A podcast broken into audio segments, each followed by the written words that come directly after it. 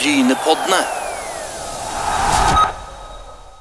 Brynepoddene, en podkast om eh, fotball og sport. Og lyden av sport er vårt eh, em, hovedmotto. Og eh, følg oss gjerne på sosiale medier. Det må vi eh, ikke glemme å informere om. Vi er på Twitter, Instagram, YouTube og Facebook. Og Asgeir, i dag så skal vi vel òg innom litt Oslo-fotball.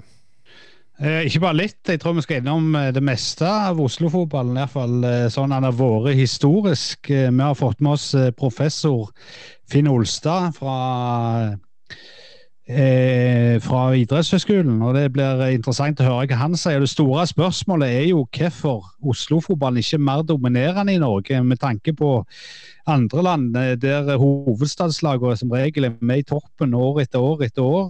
Eh, så har vi ikke hatt det samme i Norge, iallfall ikke i moderne tid. Det har vi ikke, og, når vi ser på tabellen og plasseringa til disse Oslo-lagene eh, i, i, eh, i både Post Nord og Obos, så ligger de jo på bånn alle mann. alle mann alle, og, og det er ganske oppsiktsvekkende. Det, har, har, det tror jeg faktisk ikke har skjedd i, i moderne tid, at det har stått så dårlig til. Nå har jo riktignok VIF vært nede, da, men det, vi skal høre, bli artig å høre hva, hva Finn har å si. Ja, jeg bare skyte inn der at KFM ligger jo godt an, og det er jo òg et Oslo-lag. eh, Men eh, allikevel det er spesielt ja, når, når så mange går ned, og gamle storlag som Lyn og Frigg er jo mest glemt. Ja, så er det veldig godt å poengtere det for KFA eller KFUM. Det er jo liksom et lag som ikke har Det er et litt nytt lag, et nytt topplag. Og, og det er jo òg sånn vi, vi glemmer eh, Det er jo mange som snakker om Frigg, vet du, som var et, et topplag. Men det er jo mest sagt, sagt før vår tid, 100 år siden. Ja, korrekt. Det, du må tilbake på tidlig 70-tall, når vi knapt var påtenkte for å komme tilbake til sånn som Frigg som en størrelse i norsk fotball, ja. Men vi hører hva, hva Finn Olstad eh, sier. Vi. vi får bare ta en telefon til han. Da ønsker jeg hjertelig velkommen til nok en Brynepoddene. Og uh, i dag så skal vi faktisk ha en professor uh, som gjest, Asgeir. Og det, det Altså, du er jo en professor, tror du, men, men dette er en ekte professor. Det er helt korrekt. Vi har fått med oss eh, Finn Olstad, som vel er emeritus, som det heter fint, fra Norges idrettshøgskole. Og han har et eh, rikt eh, produksjonsliv bak seg med mange ulike ting. og det blir spennende å høre. Vi skal innom litt ulike tema. Og Finn Olstad, velkommen til Brynepoddene. Ja, tusen takk. Eh, til å begynne med så kan vi jo eh, si litt om hva du har skrevet om før. Du har jo skrevet om mange ting. Eh, Nå i det siste så kom du vel om to bøker om moderne norsk historie, men du har vært borti mange forskjellige ting i løpet av lang karriere. Ja, altså, ja da, jeg har eh, I det siste så har jeg vært veldig opptatt av å skrive eh, sånn samlende historie, Norges historie, men, men ellers så har jo mine temaer Først og fremst har jo det vært arbeiderbevegelsens historie, så har det vært idrettshistorie, og så har jeg skrevet noe lokalhistorie. Men eh, litt eh, Det høres jo ikke ut som, som en sånn direkte inngang til, til Norges idrettshøgskole har skrevet Arbeiderpartihistorien. Hvordan havna du oppe der? Ja, de, de, de trengte en som kunne som hadde professorkompetanse og som kunne historie, og som eh, kunne idrett. Da hadde jeg skrevet et bind av norsk idrettshistorie. Eh, den kom altså i eh, 87. Og eh, det var jo ikke veldig mange som kunne noe om dette her, og i hvert fall ikke som hadde en, eh, en eh, professorkompetanse. Så, det, så da ble jeg kallet, som det het, da, til en stilling som eh, professor 2, altså en, eh, en, en deltidsstilling eh, 20 Men kan du si litt om eh, Du, du sa du var med og skrev eh, Norges idrettshistorie. Kan du si litt om eh, innenfor historiefaget? så Tradisjonelt så har det jo handla om diplomatihistorie, det handler om eh, konger og, og, og, og kriger. Men, men det skjedde noe rundt den tida dere skrev idrettshistorien som endra historiefaget litt. Det ble mer sånn populære ting. En fikk historie om sex, en fikk historie om idrett Ja. osv. Ja, jo da, mye der. Og, eh, altså, jeg er jo og, utdannet som eh, sosialhistoriker. Og det utvidet jo eh, feltet ganske mye med den sosialhistorien. Den ble også da sett på som en slags sånn totalhistorie, at du skulle trekke inn ulike deler av samfunnet, se det i lys av hverandre for å, for å forklare både samfunnet og utviklingen. da. Så, så det lå litt i tiden, men det var ganske nytt altså skrive idrettshistorie, det har jo blitt gjort, men å skrive idrettshistorie som samfunnshistorie, noe annet enn bare resultater og eh, hva som skjedde på styremøter og sånn, men se det i, i, i, sammenheng med samfunnsutviklingen for øvrig, det var vel ganske nytt eh, da. Men jeg går ut ifra, altså, Vi vet jo, vi som har skrevet bøker og jobba med historie, at det er ikke alltid sånn vi tror det. Hva funn var det du gjorde under denne prosessen når du skrev Idrettssonen, som, som, du husker den dag i dag? ja Jo, altså, det, det jeg uh, husker best, det var at det var jo mye mer interessant og, og, og, og morsomt enn jeg hadde tenkt meg. Uh, og at uh, idretten jo hang sammen med samfunnet på veldig mange måter. Liksom, jeg hadde ikke sett altså Jeg hadde jo vært, jeg hadde vært historiker, og jeg hadde jo da uh, tatt eksamen og ikke sant, var kanskje på vei mot en doktorgrad. Men, og jeg var jo sportsidiot. Men jeg hadde ikke satt de to tingene i sammenheng. Det, det gjorde jeg faktisk først da jeg fikk dette oppdraget med å skrive norsk idrettshistorie og jeg, jeg, det var vel sånn til og med at jeg sa det fra meg en gang, for jeg syntes ikke dette var interessant nok. Eh, men eh, så ble det litt redusert og mindre opplegg, så tenkte jeg ålreit, da. Men så var det jo mye mer interessant enn det jeg hadde trodd, faktisk. Men hva var det du fant så, så, så overraska deg mest? Ja, sånn, sånn rent konkret. Um, ja, det, det overrasket meg jo hvor, hvor tett altså, Én var vel overrasket hvor tett myndigheten også i gamle dager var på idretten. F.eks. altså de militære da, som ville styre og ordne opp i idretten av hensyn til egne formål. Idrett som eh, del av eh, forsvarsberedskapen. Det var det ene. Og så var det jo arbeiderbevegelsens og AIF. Eh, der hadde jo jeg som alle andre på en måte blitt ligget under for det jeg senere har kalt den utenom AIF. Eh, men altså, hvordan AIF var et eh, langt mer politisk prosjekt enn det jeg hadde trodd.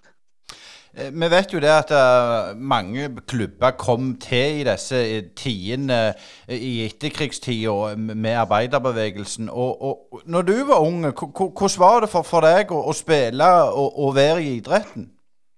Ja, men du, altså jeg, var jo ikke fotballspiller, jeg, annet enn, eh, annet enn eh, sånn eh, i gata og på Løkka og i klasselag og sånn. Jeg var friidrettsmann, jeg. Jeg var faktisk jeg tror jeg var den eneste i, i, i, på skolen i min tid, altså i min, min aldersgruppe, da, som var drev med aktiv idrett. I hvert fall annet enn fotball. Men, så det er noe helt annet enn i dag, ikke sant? hvor du, du, du, regner med at alle skal liksom være organisert idrett. Men eh, man var jo ikke det. Man drev jo, men eh, det var jo bare noen få det, som, eh, som drev aktivt og deltok i konkurranser med systematisk trening og sånn. Men, men, kan du komme litt tilbake til dette med AIF? for Det, det er ikke så mange som vet ja. at idretten i Norge var jo todelt før krigen, og en fikk jo det samla igjen. Altså, en hadde to ulike ligaer, en hadde to ulike holdt på å si, foreninger altså, som drev parallelt. De hadde egne olympiader osv. Kan du gå litt tilbake til det? Ja, det var jo Det ble jo um, AIF ble jo stiftet i 1924. og Det var en, det, var jo det dobbelte her med at man mente at arbeiderklassen ble jo holdt utenfor. Eh, det var mye riktig i det, men det var jo ikke hele sannheten. Den andre delen av det var at eh, de revolusjonære den gangen, etter, eh, etter å ha forkastet sport og idrett, altså, altså sportsidioti, så begynte man å interessere seg for på en måte å få tak i tak i arbeiderungdommen der de fantes, og den fantes jo i stor utstrekning på idrettsbanen. Så da ble det også viktig å uh, få tak i dem og få dem bort fra borgerlig innflytelse, som de jo mente de fikk i disse uh, borgerlige idrettsklubbene. Og det var det selvfølgelig noe i. Derfor så uh, dannet man Arbeidernes idrettsforbund. Det var altså de, det var først og fremst Norges det nystiftede kommunistpartiet som sto bak. Det var, ikke, det var ikke kjent, men det vet vi nå og venstresiden av Arbeiderpartiet. Så det hadde en veldig sånn radikal politisk tendens, særlig de første årene. Så ble det jo nærmest eh, sånn fra ca. 1930 en underavdeling av Arbeiderpartiet i praksis, da. Eh, om en leser holdt på å si, Gerhardsens memoarer, eh, som jeg gjorde for, en tid siden, så ser en jo eh, unge Gerhardsen er på ferie hos sine slektninger på Sørlandet, og så kommer faren eh, ned på besøk og har akkurat fått ordna seg fire dager fri, eller hva det var, om jeg husker riktig, eller to dager fri. Altså Det var jo før de store feriene. Ikke grad eh, spiller den økte fritida noen rolle her, at arbeidsdagene blir kortere. altså. Det tror jeg nok spiller en rolle, men eh, altså, arbeiderne, og det vil i første rekke si ungdommen, ikke sant. De var, jo, de var jo på idrettsbanen og ikke minst rundt omkring på Løkker og spilte fotball eh, hvor de kunne komme til, eh, før denne mm, endringen hadde skjedd, med mer eh, fritid. Men det er klart at det hjalp. Det gjorde det jo lettere å, å mindre, kortere arbeidstid, ikke minst. At du gjorde det lettere med trening, trene når det var lyst. Så det har spilt en rolle, men jeg, jeg ser ikke altså, ser ikke arbeideridrett som en funksjon av at eh, det ble mer fritid. Eh, Den, eh, du, du ser altså arbeidere arbeiderungdom helt fra starten av 1900-tallet som danner sine egne klubber. Eh, hvis du ser, eh, For å avslutte dette med AIF. altså De, de ble jo eh, sammenslått vel pga. krigen, altså de to organisasjonene. Men hvis ikke krigen hadde kommet, hadde dette fortsatt parallelt lenge til, tror du? Nei, det tror jeg ikke. Etter krigen så var det jo Ja, hvis ikke krigen hadde kommet, så vet jo ingen hva som hadde skjedd. Men Arbeiderpartiet var jo også i ferd med å på en måte innordne seg i det borgerlige samfunnet, som de da riktignok ville ta styringen med. Men eh, det var jo allerede før krigen en holdning i AIF at eh, vi skal overta. Eh, Vi skal ha en samling, og da skal vi overta, for det er vi som har framtiden for oss. Og det er vi som skal prege det nye idrettsforbundet med, med våre idealer. Det sa jo Rolf Hofmo, eh, som var leder for AIF, ganske tydelig. Men dette var jo en, selvfølgelig en bevegelse som skulle ha, kall det makt, for å si et enkelt ord. Men, men fikk de det, føler du, når de begynte med dette?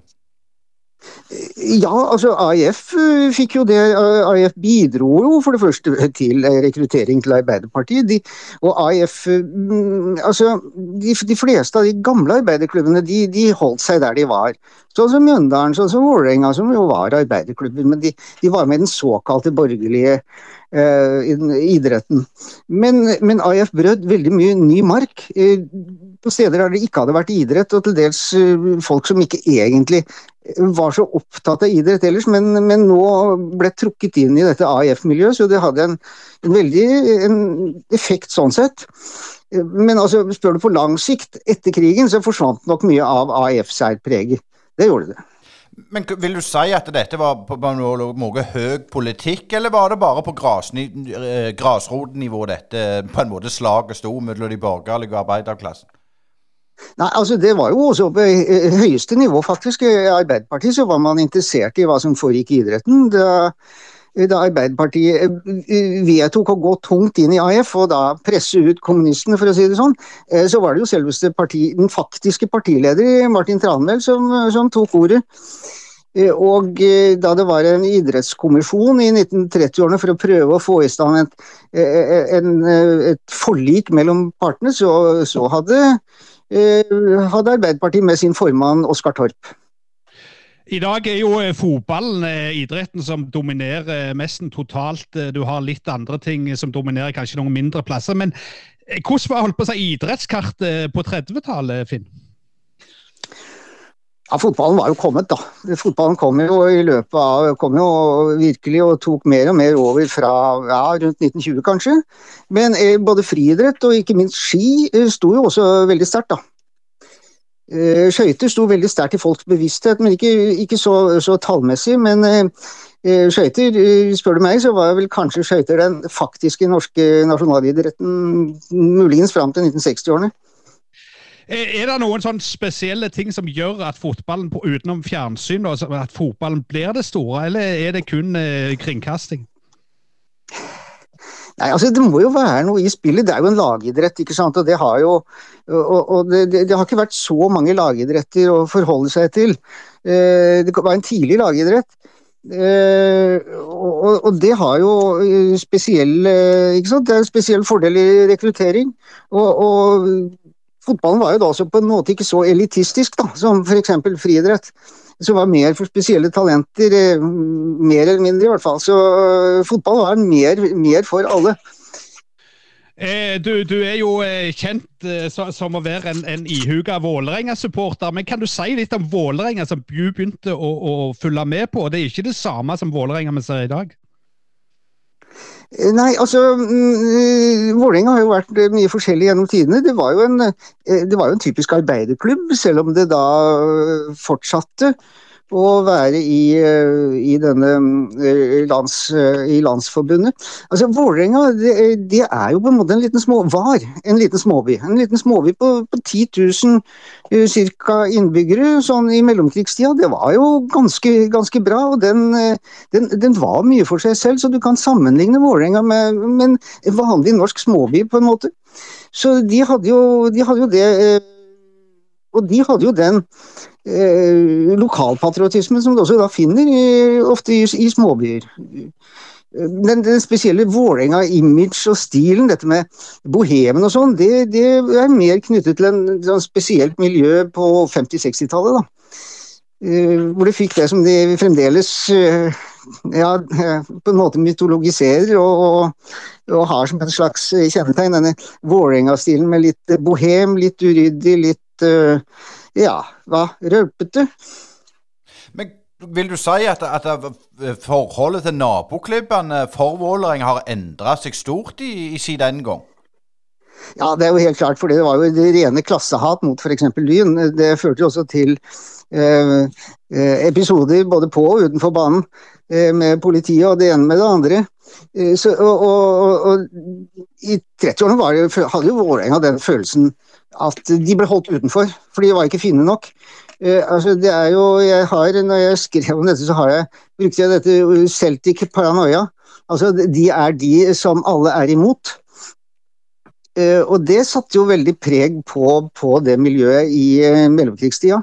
Og for så vidt kanskje også etter krigen, om det ikke er så, så tydelig. Men altså, det, er, det er en litt sånn opposisjon da mot, mot de fine, mot de som er i vest, mot makta for så vidt. da. Eh, som har vært med Vålerenga. Jeg sier ikke at det nødvendigvis er sånn i dag, men det, det har nå fulgt med i hvert fall eh, lenge, eh, mot vår tid.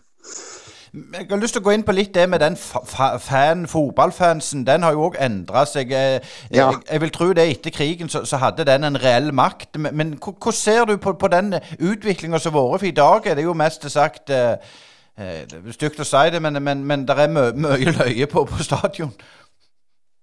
Ja, nei, det var jo altså I utgangspunktet så forventet man jo at det skulle være eh, nærmest eh, litt sånn høflige klappsalver og sånn på, på, på, stadion.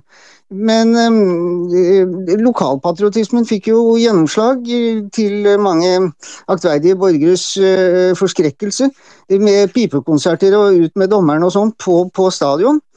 Eh, så det stadion eh, ble jo på en måte et fristed også, da, for å kunne spille ut uh, følelser, for å kanskje gi sin misnøye luft også. Så det tror jeg har vært en del av stadionopplevelsen. Denne spesielle supporterkulturen den er jo forholdsvis ny, da. Sier jeg, da, som er historiker, ikke sant. For det, den er kanskje sånn mer 80-90-årene, den supporterkulturen. Eh, som eh, vi ser i dag i Vålerenga f.eks. med klanen.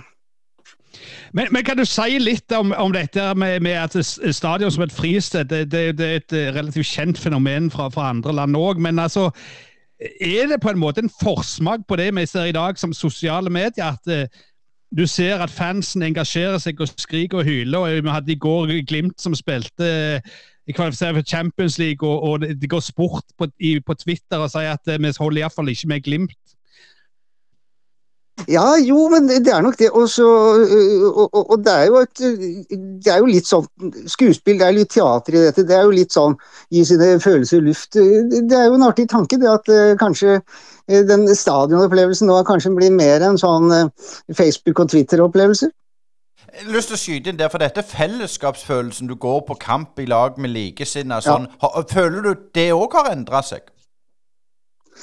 Uh, ja, det, jeg vet ikke helt. Det er klart at uh, både det å spille fotball og det å se på fotball, det har jo vært knyttet til miljøer. Uh, så hvor mye det har endret seg Sannsynligvis så var det jo før, før fjernsynet og før i det hele tatt individualiseringen, før masse andre tilbud, var det nok mer at større grupper gikk i lag. Men fremdeles så tror jeg vel at det er et ganske Det er noe fellesskap og, og fotball, og det, det binder jo folk til til klubben og til å, til å, være med i fotballen, like mye som selve fotballspillet, som ikke alltid er like spennende og underholdende. Eh, du nevnte Oslo her som, som Vålerenga, som, et, som et lite småsted med, med, rundt 10 000 innbyggere. Og så har det jo Lyn som, som, som fienden i hermetegn. Og så har du selvfølgelig Frigg òg på vestkanten. Men du har jo Skeid oppi veien der. Hvordan, hvordan har forholdet mellom Vålerenga og f.eks. Skeid vært? Eh, nei, de, de, har, de jo, har, jo, vært rivaler, men eh, jeg har ikke sett den typen Eh, den typen eh, virkelig ja, rivalisering, nesten hat, da, på en måte som du først hadde med Lyn, og nå med Lillestrøm. Det er jo Lillestrøm som nå er eh, fienden, ikke sant, for Vålerenga. Så det har vel vært konkurrenter, men med respekt, tror jeg. jeg tror kanskje mer det. Eh, nå skal du få, få, få litt spillerom her til, til, å drive litt eh, fri spekulering. Men, men altså, når du leser gamle tabeller fra det som var holdt på å si, nivå 1 i norsk fotball på, på 70-tallet, så ser du Frigg der, du ser Skeid der, du ser eh, Lyn der, du ser eh, Vålerenga der. Altså fire Oslo-lag. og sånn geografisk, befolkningsmessig, så må du tenke at eh, fire Oslo-lag i, i, i, toppen, det er greit. Det, det, er bærekraftig, hvis vi skal bruke et populært ord. Hva er det som gjør at Oslo-fotballen ikke dominerer mer i dag eh, kontra folketallet? Nei, nei, si det. Altså, det, er jo, det er jo liksom to forklaringer. Det ene jo, er jo mer samfunnsmessig og strukturelt. Det andre er jo å gå opp og se på de forskjellige klubbene. Hva har de gjort eh, riktig, hva har de gjort galt? Det kan godt hende det er blitt gjort alvorlig feil, for å si det sånn. Men nå er det jo sånn, jeg er ikke helt sikker på om, det, om vi skal heller forvente at Oslo skulle ha en så dominerende rolle som du, du sier, da. Um, altså ja, Oslo er, jo, Oslo er jo delt. Oslo er jo mange byer, ikke sant. Eh, på en måte. Oslo er den delte byen. Var i hvert fall. Og er det fremdeles. Så det nytter ikke å ha en Oslo-patriotisme i fotballen. Eh, dette antar jeg er i motsetning i hvert fall eh, f.eks. Brann og Bergen og andre steder som har ett lag som, som dominerer mer og har den, eh, står for den lokale patriotismen på nasjonalt plan. Men, eh, men, sånn har det jo ikke vært i, i, i, i Oslo. Så det har vært, eh, det har vært delte miljøer. Eh, så man, ikke egentlig, man har ikke kunnet fått én stor dominerende fotballklubb av det. Og så er det også noe, kanskje, med at Oslo er, Oslo er en liten storby. Oslo er ikke noe ordentlig storby, egentlig, internasjonalt. Eh, så man kan kanskje heller ikke forvente at det skulle, skulle bli veldig mange eh, gode fotballklubber akkurat i Oslo, sånn som f.eks. I, i, i London. da. Eh, Oslo er jo også en småby, så eh, der kan det ligge noe. Samtidig så det, må man kanskje innrømme at det, det, har skjedd mye altså Det er tilfeldigheter i fotballen. ikke sant? Det er tilfeldigheter, det er personligheter. Ting kunne sannsynligvis eh, ha gått annerledes. Ja, for en, for en, som bor på Jæren, så er jo Oslo gedigent, men det er en annen historie, Finn. Men jeg tenker litt ja. dette, dette, med penger um, og i klubbene, ja. selvfølgelig, det har en stor uh, innvirkning. Men, men er det noe der, så når kom pengene til Oslo-fotballen? Ja, Penger har jo på en måte alltid vært der, og særlig for de, de, klubbene som har hatt egen stadion. Men det er klart at virkelig, virkelig med i pengeøkonomien kom man jo først i løpet av 1990-årene, etter at vi hadde fått åpning for ordentlig profesjonell fotball, og at man hadde fått investorer som ble knyttet til klubbene på forskjellig måte. Og der hadde jo, Da fikk jo Oslo og f.eks. Vålerenga, som var det Oslo-laget som greide å hevde seg. Eh, mye fordi at de hadde en fortelling å by på som, så, som, mange kunne slutte seg til. Eh, de fikk jo da faktisk ganske store ressurser eh, tilført i løpet av 2000-tallet. Det, det, var den klubben i Norge som hadde ja, Etter Rosenborg hadde de flest penger å rutte med. Med sponsorer, med stadioninntekter, mye goodwill. Og du kan jo si at her greide man jo kanskje å skusle bort en god mulighet òg, så det, det, ligger nok eh, En forklaring at Oslo-fotballen ikke er bedre, kan jo ligge i det at eh, man ikke greide å utnytte den muligheten som kom tidlig på 2000-tallet. I, I, hvert fall varig. Det ble jo en del, det ble jo seriemesterskap, det ble cupmesterskap, gode resultater, men man greide ikke å bygge noen, noen varig base som gjorde at man kunne utfordre f.eks. Rosenborg og da. Men jeg tenker litt på det før det ble profesjonalisert. Så, ja. så var det jo òg penger i, i klubbene. Men, men ja. var det mye sånn Vi har jo hørt historier om, om, om under bordet og alt dette her, men, men var det ut, mer utbredt enn vi gjerne tror? Jeg spørs jo hva man tror, da, men det var jo utbredt. Vi eh, fikk jo, eh, fikk jo høre noen historier fra f.eks. Vålerenga eh, gamle Vålerenga-ledere, og man hadde jo det er klart at man hadde jo penger under bordet, man hadde en svart kasse, som det het. Eh, svarte penger. Eh, man kunne alltid fikse noe på med, med stadionbesøket, eh, sånn at man eh, kunne få inn mer penger eh, som man ikke nødvendigvis betalte avgift for, osv. Man hadde ganske mange muligheter til å få inn penger, men selvfølgelig, eh, dette ble jo småsummer allikevel, da, imot eh, de pengene som senere kom inn i fotballen. Men det klart, det er jo sånn at de, de beste klubbene kunne skaffe seg ja, gi spillere noen fordeler i form av uh, veldig god diett, uh, litt ulovlig gode diettpenger, proforma jobber, sånne ting som klart, det bidro til at eh, også Oslo-klubbene kunne eh, fikk en fordel der, da. Eh, det som du sier er interessant med Vålerenga, med denne, denne, historien som de klarer å bygge opp. altså Det har alltid vært underdogen på en måte i fortelling og utad. Men allikevel, det kommer ressurssterke folk inn med mye penger, men det kommer på ei bølge der Vålerenga sliter virkelig med fanbasen. Der den første versjonen av klanen blir oppfattet som noe voldelig og noe skremmende. Altså, hvordan klarte de å snu den der? Ja, eh, det ble jo snudd etter veldig eh, I klanen ble det jo snudd etter et eh, veldig bevisst arbeid fra en del av lederne i, i klanen. Eh, dette med økonomi og, og, altså hele den tida fra innføringen av proffotball eh, tidlig på 90-tallet, det første tiåret der, var jo nokså turbulent. da, Vålerenga gikk jo litt opp og ned. Eh, og der, men så kan du si at fra vel 2002, hvis jeg ikke tar feil, så de siste 20 årene så har jo Vålerenga tross alt vært i den øverste divisjonen hele tida. Så det er noe med at uh, situasjonen har stabilisert seg. Eh, pengene rår, og det betyr jo at uh, det er jo stort sett de samme klubbene som nå, nå dominerer feltet. Askeladdene kommer vel ikke så lett fram lenger. og Oslo er jo da representert med, med Vålerenga i det selskapet her, uten at Selvfølgelig akkurat nå så er man litt sånn mer moderat gode, men men situasjonen er jo ganske bra, faktisk. Så er det jo litt sånn tilfeldigheter, da. Hvilket lag som, som slår til. Men selvfølgelig så, så burde det jo selvfølgelig vært Vålerenga, ikke Bodø-Glimt, som er, hadde slått til nå i det siste, da. Det, det, det, stemmer jo. Men, men jeg tenker på, på, eh, dette med rundt klubben, altså investorene som har kommet inn. Du har hatt Jon Fredriksen inne, du har hans uh, tidligere kollega inne, du har hatt Selina Middelfart på tribunen, og, og, folk som du kanskje skulle tenkt hadde gått til Frigg eller Lyn. altså men er det, ble Vålerenga rett og slett det kule som var på idrettsrunden i Oslo en periode der? Ja, det var jo det. Vålerenga var kult. Når det gjelder Fredriksen, er jo, var jo eh, fra Vålerenga praksistalt da gikk på Vålerenga skole, så han, eh, han var jo eh, du kan si at Hvis eh, Jon Fredriksen hadde hatt samme forhold til fotball som, eh, som Røkke, så hadde kanskje denne historien sett helt annerledes ut. Men han, han, han spyttet jo inn mye penger en viss periode. Han gjorde det. Um, og mener ikke så mye som Røkke den gangen heller.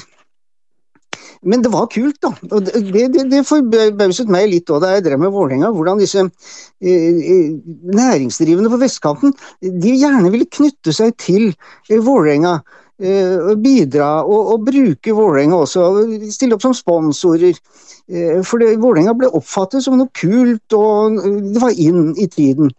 Eh, men så kom det jo det at Vålerenga skulle være Oslo stolthet, ikke sant.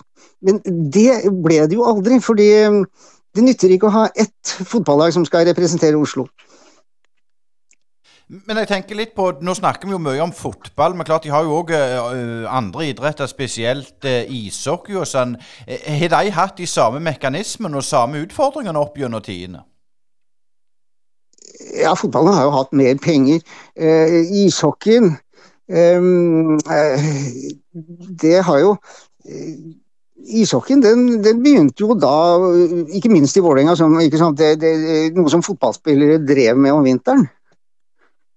Uh, på den tiden hvor du kunne være landslagsspiller i fotball og, uh, og ishockey. og Einar Bruno Larsen drev det så langt at han var landslagsspiller i tre grener. Han var vel også med i håndball. Eh, så ishockeyen har jo hatt sin egen turbulente historie. Den har vært kanskje enda mer turbulent når det gjelder forhold til penger, opp og ned og, mm, og sånne ting, den, enn en fotballen. Hvis vi går litt inn til dagens Oslo-fotball. Eh, hvor sterk vil du si eh, idrettspolitikken rundt Oslo-idretten er nå? Altså, er, er, det mer sånn så at det, det, det, det, er like viktig at det er folk fra Bodø med å styre på en måte idrettspolitikken, eller, eller er det mye sentrert om Oslo ennå? Eh, ja, om, om uh, politikerne er opptatt av Oslo-idretten? Ja. Ja, altså eh, Jeg vet ikke hvor godt jeg kan svare på det. Eh, det er vel mange som mener at, eh, at kanskje man ikke satser nok på idretten, selv om i hvert fall Det har jo blitt satt i gang Det er jo en del prosjekter, da, tross alt. Men det er klart at det, det, er nok eh, Det er jo et problem. Oslo har noen problemer uh, som storby, da, som forholdsvis storby, som andre steder ikke har, med at naturlige utfoldelsesmuligheter for ungdom forsvinner. Eh, vanskelig kanskje å tilrettelegge nye steder som kan være egnet til fotball. Så det er jo, det er jo et skal vi si, en problem for rekrutteringen, dette her at man ikke lenger har de åpne plassene. Eh, de bygges stadig ned, i hvert fall i store deler av Oslo. Eh, men Kan du si litt i, hvilken grad eh, f.eks. Lyn gikk jo konkurs og måtte jo begynne på bunnen, og så har du hatt framveksten av Stabæk. Du har lag som, som Grorud som spiller, og KFM som spiller nå på nivå to i Norge. Har dynamikken òg endra seg internt i Oslo og det omliggende omlandet? Ja, det vet jeg ikke så mye om, men det er jo riktig at du peker på det med f.eks. Stabæk. Det kunne jo ha nevnt i stad også at eh, Oslo ligger ikke fullt så dårlig an heller hvis du tar Stor-Oslo, da. Det er som ca. én million mennesker som mer eller mindre samler til Oslo. Da har du også Stabekk og Lillestrøm eh, med her. Eh, så det er på en måte et forhold her som, som gjør at eh, Eh, F.eks. Vålerenga og Lillestrøm er jo konkurrenter i på en måte samme, eh, altså innenfor den samme regionen. da. Men når du gikk gjennom Vålerengas historie, så, så, var vel som du, som du nevnte, en Lyn den store gulven. ulven. Når begynner det å endre seg og dreie seg ut mot Ringerike? At Lyn er en stor ulv? Ja, det har det jo vært eh, klart at eh, mellomkrigstidens eh, klassemotsetninger satte jo ekstra farge på dette. Men at Lyn var rivalen, ja, det husker jeg nå. Eh, også fra min egen tid som eh, tribunesliter. Disse kampene mot Lyn, det, det var hatkamper, det. Og det var eh, Det er vel ingen som glemmer den siste kampen i 2004, da Vålerenga burde blitt uh, seriemestere, men uh, Lillestrøms, nei, men Lyns forsvar, visstnok det beste i, i, i Norge, uh, var totalt fraværende i den siste kampen. Om, om dette Lillestrøm-rivaleriet, er det bare fordi at Lyn forsvinner ut av, av bildet det kommer, eller er det pga. Tom Lund og Frank. Grønlund og den gjengen der? Det er det, altså. Jeg tror det. Og det, det, det, det daterer seg tilbake til 1970-årene, da Lillestrøm dukket opp som en alvorlig konkurrent. Også med det at eh, de var jo veldig du kan si, om seg og flinke, eh, både økonomisk og på andre måter, og fikk Lillestrøm opp og frem. Og da, da oppsto jo det rivaleriet. Og klart at um, når Lyn da forsvant ut av bildet, så, så var det jo Lillestrøm. Jeg tenker litt på dette. Oslo er jo en internasjonal by, men sånn har det jo sånn sett ikke alltid vært. Og, og har det mm, på noe de gjort eh, rekrutteringa enklere til klubbene, eller, eller, eller, har de på en måte hatt utfordringer med det òg, sånn som du ser? Ja, igjen så må jeg jo si at jeg, jeg kan ikke si altfor mye om de siste ti årene, men det er klart at det er jo begge deler her. og eh, Eh, særlig for eh, f.eks. da Vålerenga som rekrutterer på østkanten, så er det jo klart at man har jo eh, veldig mange unge, ivrige, flinke, eh, også fra innvandrermiljøer, som eh, man får tak i. Og det en, det er jo en styrke for, for, fotballen, og det er jo også et område der kanskje fotballen kan bidra til integrering. Men samtidig så er det jo ikke alle disse miljøene som er like opptatt av fotball, da.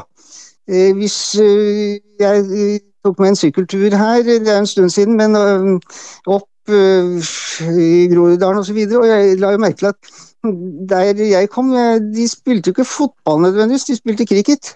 Det er jo ikke så mange steder det skjer i Norge.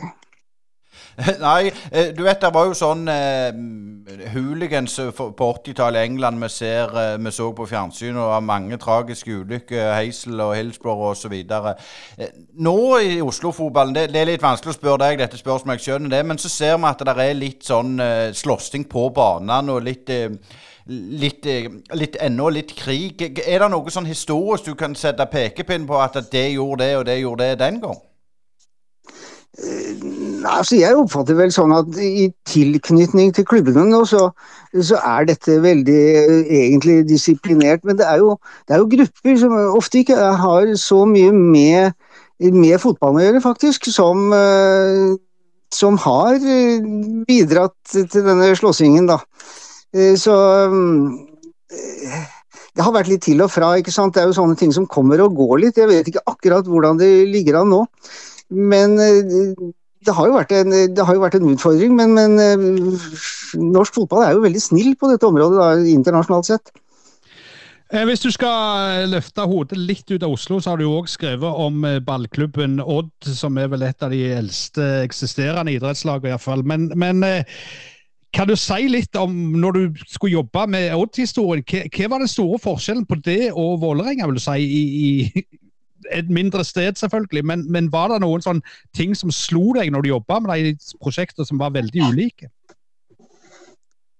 Ja øh, Det er jo både likheter og, øh, og forskjeller, selvfølgelig. Nei, men det er klart at øh, fotballen i en småby får jo en helt annen øh, funksjon da enn øh, så Odd var jo typisk et sånt lag som var det var byens lag. Men eh, altså, rivaliseringen var jo stor innafor uh, Skien, selvfølgelig. Og sånn er det vel mange steder. Men uh, når man kom utad, så, var det, um, så var det Odd som representerte byen. Det som var jo spesielt med Odd, da, for å ta det, det var jo at Odd var jo kjent som en soseklubb. Men etter ikke veldig mange år med fotball, så ble det jo nærmest et arbeiderklubb, det også, men da på banen. Eh, mens det var eh, de eh, de, de, de, skal vi si, litt høyere borgerskapet i, i Skien som drev, som drev klubben, og som gjorde det til en del av byens identitet. Men, men, Finn, hvis vi snakker litt rundt dette, for, for i, i britisk idrettshistorie i fall, så er det jo veldig kjent med denne lokale velgjøreren på, som eier eh, holdt på å si spinneriet eller, eller, eller, eller, fabrikken som skal liksom få arbeiderne til å spille cricket eller fotball eller rugby. altså I hvilken grad har det preget norsk idrett med de der lokale velgjørerne, eller har det vært stort sett holdt på å si hermetegn dugnad som har drevet klubbene? Jeg har ikke sett så mye til de, de lokale velgjørerne som uh, i, i, i fotballen, faktisk. Um, fotballen har jo vært mer organisert nedenfra. Um, og fotball og også annen idrett, men Eh, F.eks. Odd, det var jo også en, det var også en gutteklubb, en gutteklubb som da overlevde. Og så ble stifterne da, som da var eh, ungdom fra for så vidt fra borgerskapet, gjerne gikk på latinskolen og sånn, eh, når de da ble voksne igjen, så ble de da interessert i å drive klubben og, og, og, og få fram Eh, klubbidentiteten, gjøre den til en del av, av, byen. Men det var noe, det var ikke noe sånn paternalistisk rekruttering ovenfra. Det har jeg sett uh, lite til. Men, men er, det, er, det, kan du si at uh, Røkke og Molde er, er en, en, sånn ting som skiller seg ut i, i norsk fotball? Ja, du mener Molde med, med tilknytning til Røkke, ja? Ja. Ja, nå er vi jo over i en tid hvor det på en måte Jeg vet ikke om du kan kalle det uh, samme formen for paternalisme, men det er klart, her vi, vi, vi er jo i de snille onklers uh, periode, da. Og mye av forskjellen mellom klubbene kan nok tilskrives tilskrives de kontakter de har blant de virkelig store pengefolkene. Altså Molde, Molde og Røkke er jo det store eksempelet her.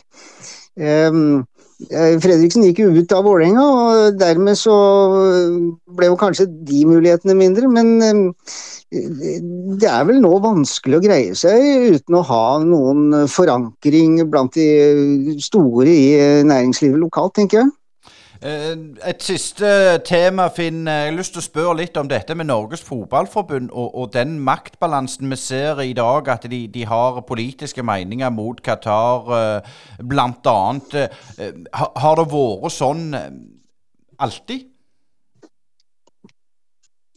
Eh, ja og nei. Eh, altså når vi har snakket om AIF, så hadde jo de sine klare politiske meninger. Både Eh, når det gjaldt eh, hvem som skulle styre i Norge, men også internasjonale spørsmål. Så de var jo eh, ikke, ikke nødvendigvis alle spillerne, eller de som drev idrett, men lederne i AIF var jo veldig politisk opptatt, og nettopp opptatt av de store spørsmålene uh, ute. Uh, det kan man ikke i samme grad si om den såkalte borgerlige idretten, da, så der var det en veldig sterk uh, forskjell.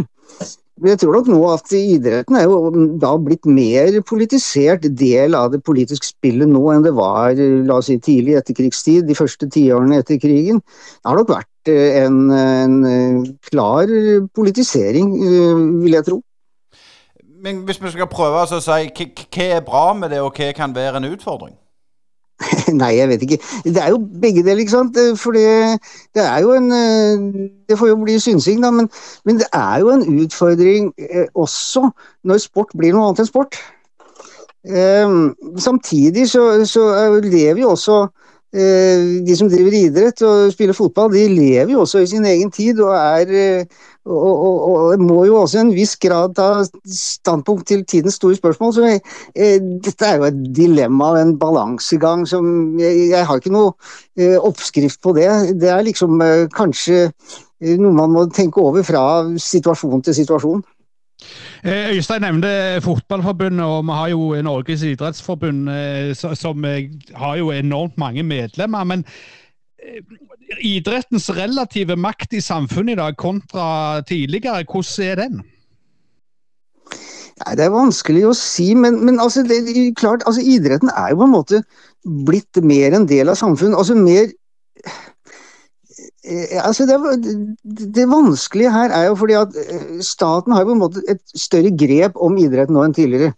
Eh, idretts, den organiserte idretten og Idrettsforbundet er jo begynner jo å bli langt på vei en del av statsmakten, kan man si. Sånn sett eh, så, så er jo så er jo idretten da knyttet sterkere til stat og samfunn enn før.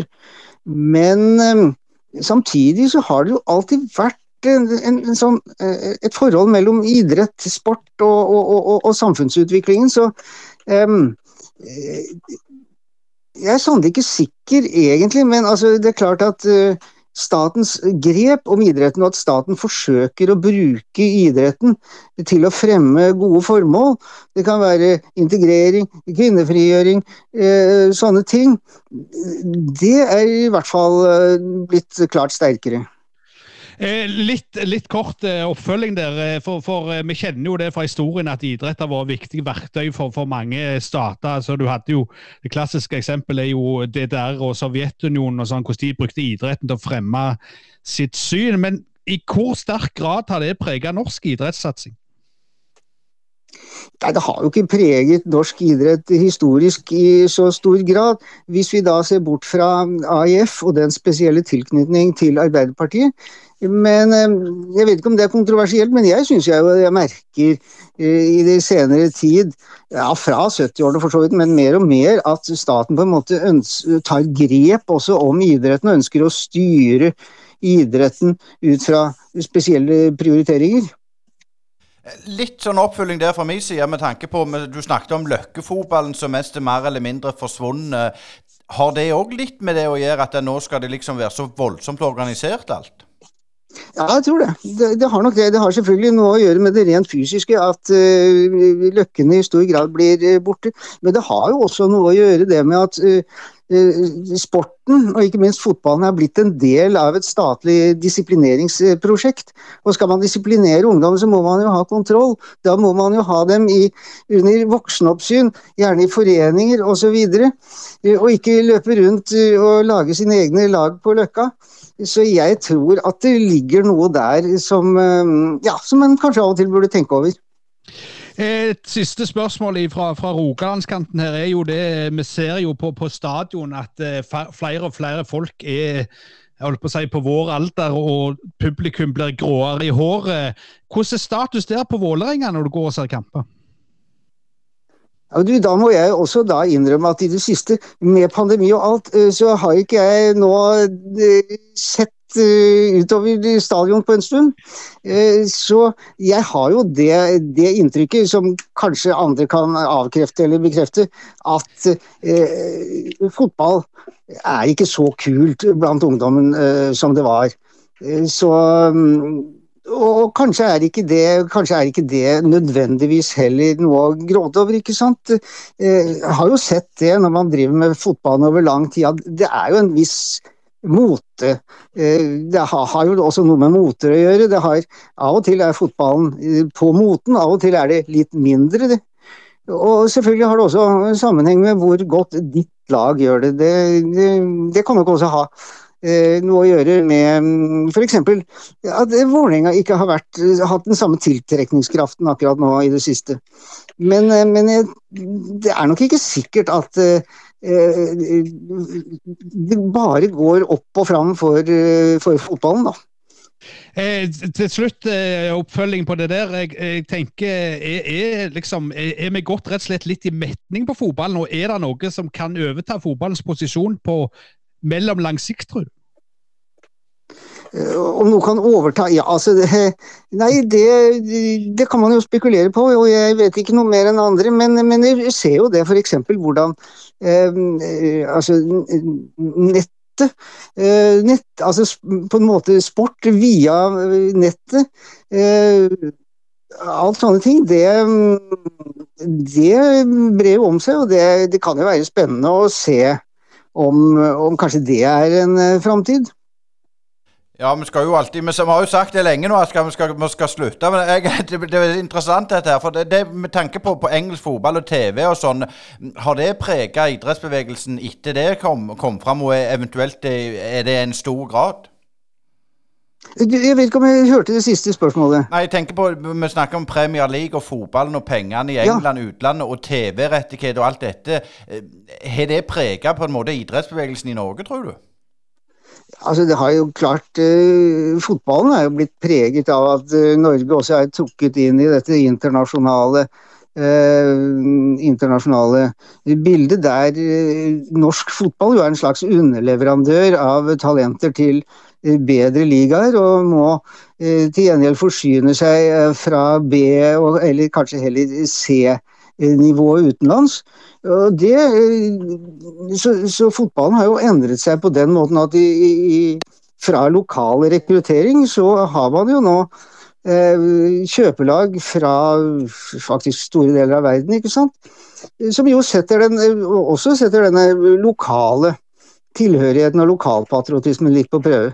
Men, men, jeg har faktisk da, for å si det òg, så har jeg blitt overrasket over eh, hvordan eh, altså kjøpelag likevel fungerer eh, som, eh, som, redskap for eh, lokalpatriotisme. Det er, det, er vårt lag, altså uansett, selv om spillerne ikke er eh, født og oppvokst her. Vi må jo stille helt til slutt et spørsmål om Lyn. Det er klart Jan Halvor Halvorsen trener deg, og de ligger på opprykk. Håper du de rykker opp, Finn? Ja, skal jeg svare med hjertet eller hjernen her, tro? Jeg håper jo ikke at Lyn blir så gode noen gang at de eh, utfordrer eh, Vålerenga seriøst. At de overtar som det beste laget i Oslo. Det håper jeg da virkelig ikke. Eh, men det er jo nesten patetisk å ha Lyn litt langt nedi. Det er nok ikke bare Vålerengas kasserer på en måte som, som savner de, disse gamle derbyene Vålerenga-Lyn, altså. Det er et suverent godt svar, Finn. Tusen hjertelig takk for du stilte opp i, i Brynepodden, eh, Finn Olstad. Ja, tusen takk.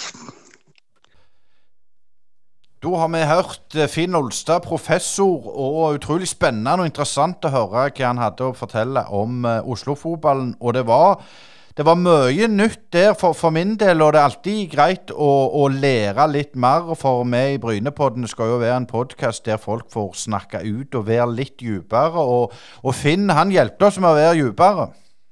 Ja, altså for min del så er òg Oslo-fotball noe du har registrert, altså med lag som VIF, Lyn, eh, Skeid eh, og sånn, så du husker Grorud litt nyere tid. Men det er ikke noe som jeg kan veldig mye om. Og Selv om jeg har bodd i den byen et halvannet år, eller noe sånt, så det han sier er jo veldig sant med Oslo som, som en, en, samling av mindre byer. Det syns jeg var litt spennende. Ja, det er liksom ikke en by som Bergen der alle er bergensere, men i Oslo så er det gjerne var det fem eh, småbyer han nevnte. og det gir jo litt mer mening da, at de sliter litt. Det er klart, Nå ser vi jo Skeid f.eks., så, så, så var en gammel klubb som alle var greie med. Men Lyn og, og VIF, det, det, det, henger litt igjen, den der rivaliseringa der.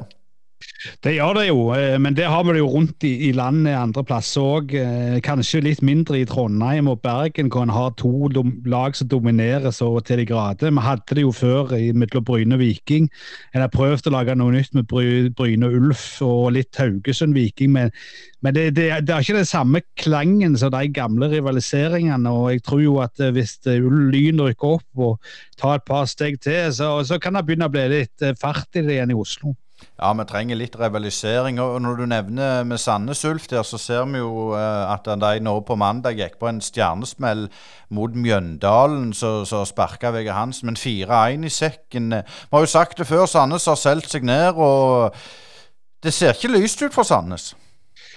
Nei, det er jo eh, akkurat når vi sender denne sendinga, så er vel vinduet eh, så godt som gjenlukt. Men, men, det er jo interessant at den gamle Bryne-spilleren Meinhard Olsen fra Færøyene var den som satte tre mål på vel eh, sju minutter mot, eh, mot eh, Sandnes Ulf. Og, og, det virker som de har mista litt fotfeste. og den der direkte opprykksplassen som de kanskje var på når de begynte å selge spillere, den ser ut som den begynner å henge litt langt før de nå.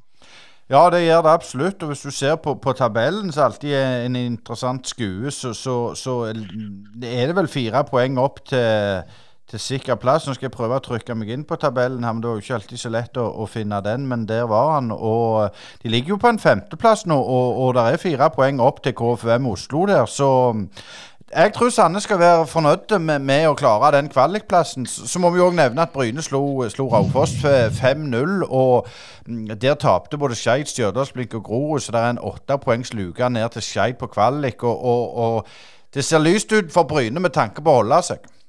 Det gjør det absolutt, og jeg tror kanskje at eh, når man ser tilbake, så var den Ranheim-kampen vendepunktet, selv om det ble, ble en sur 1-1 der.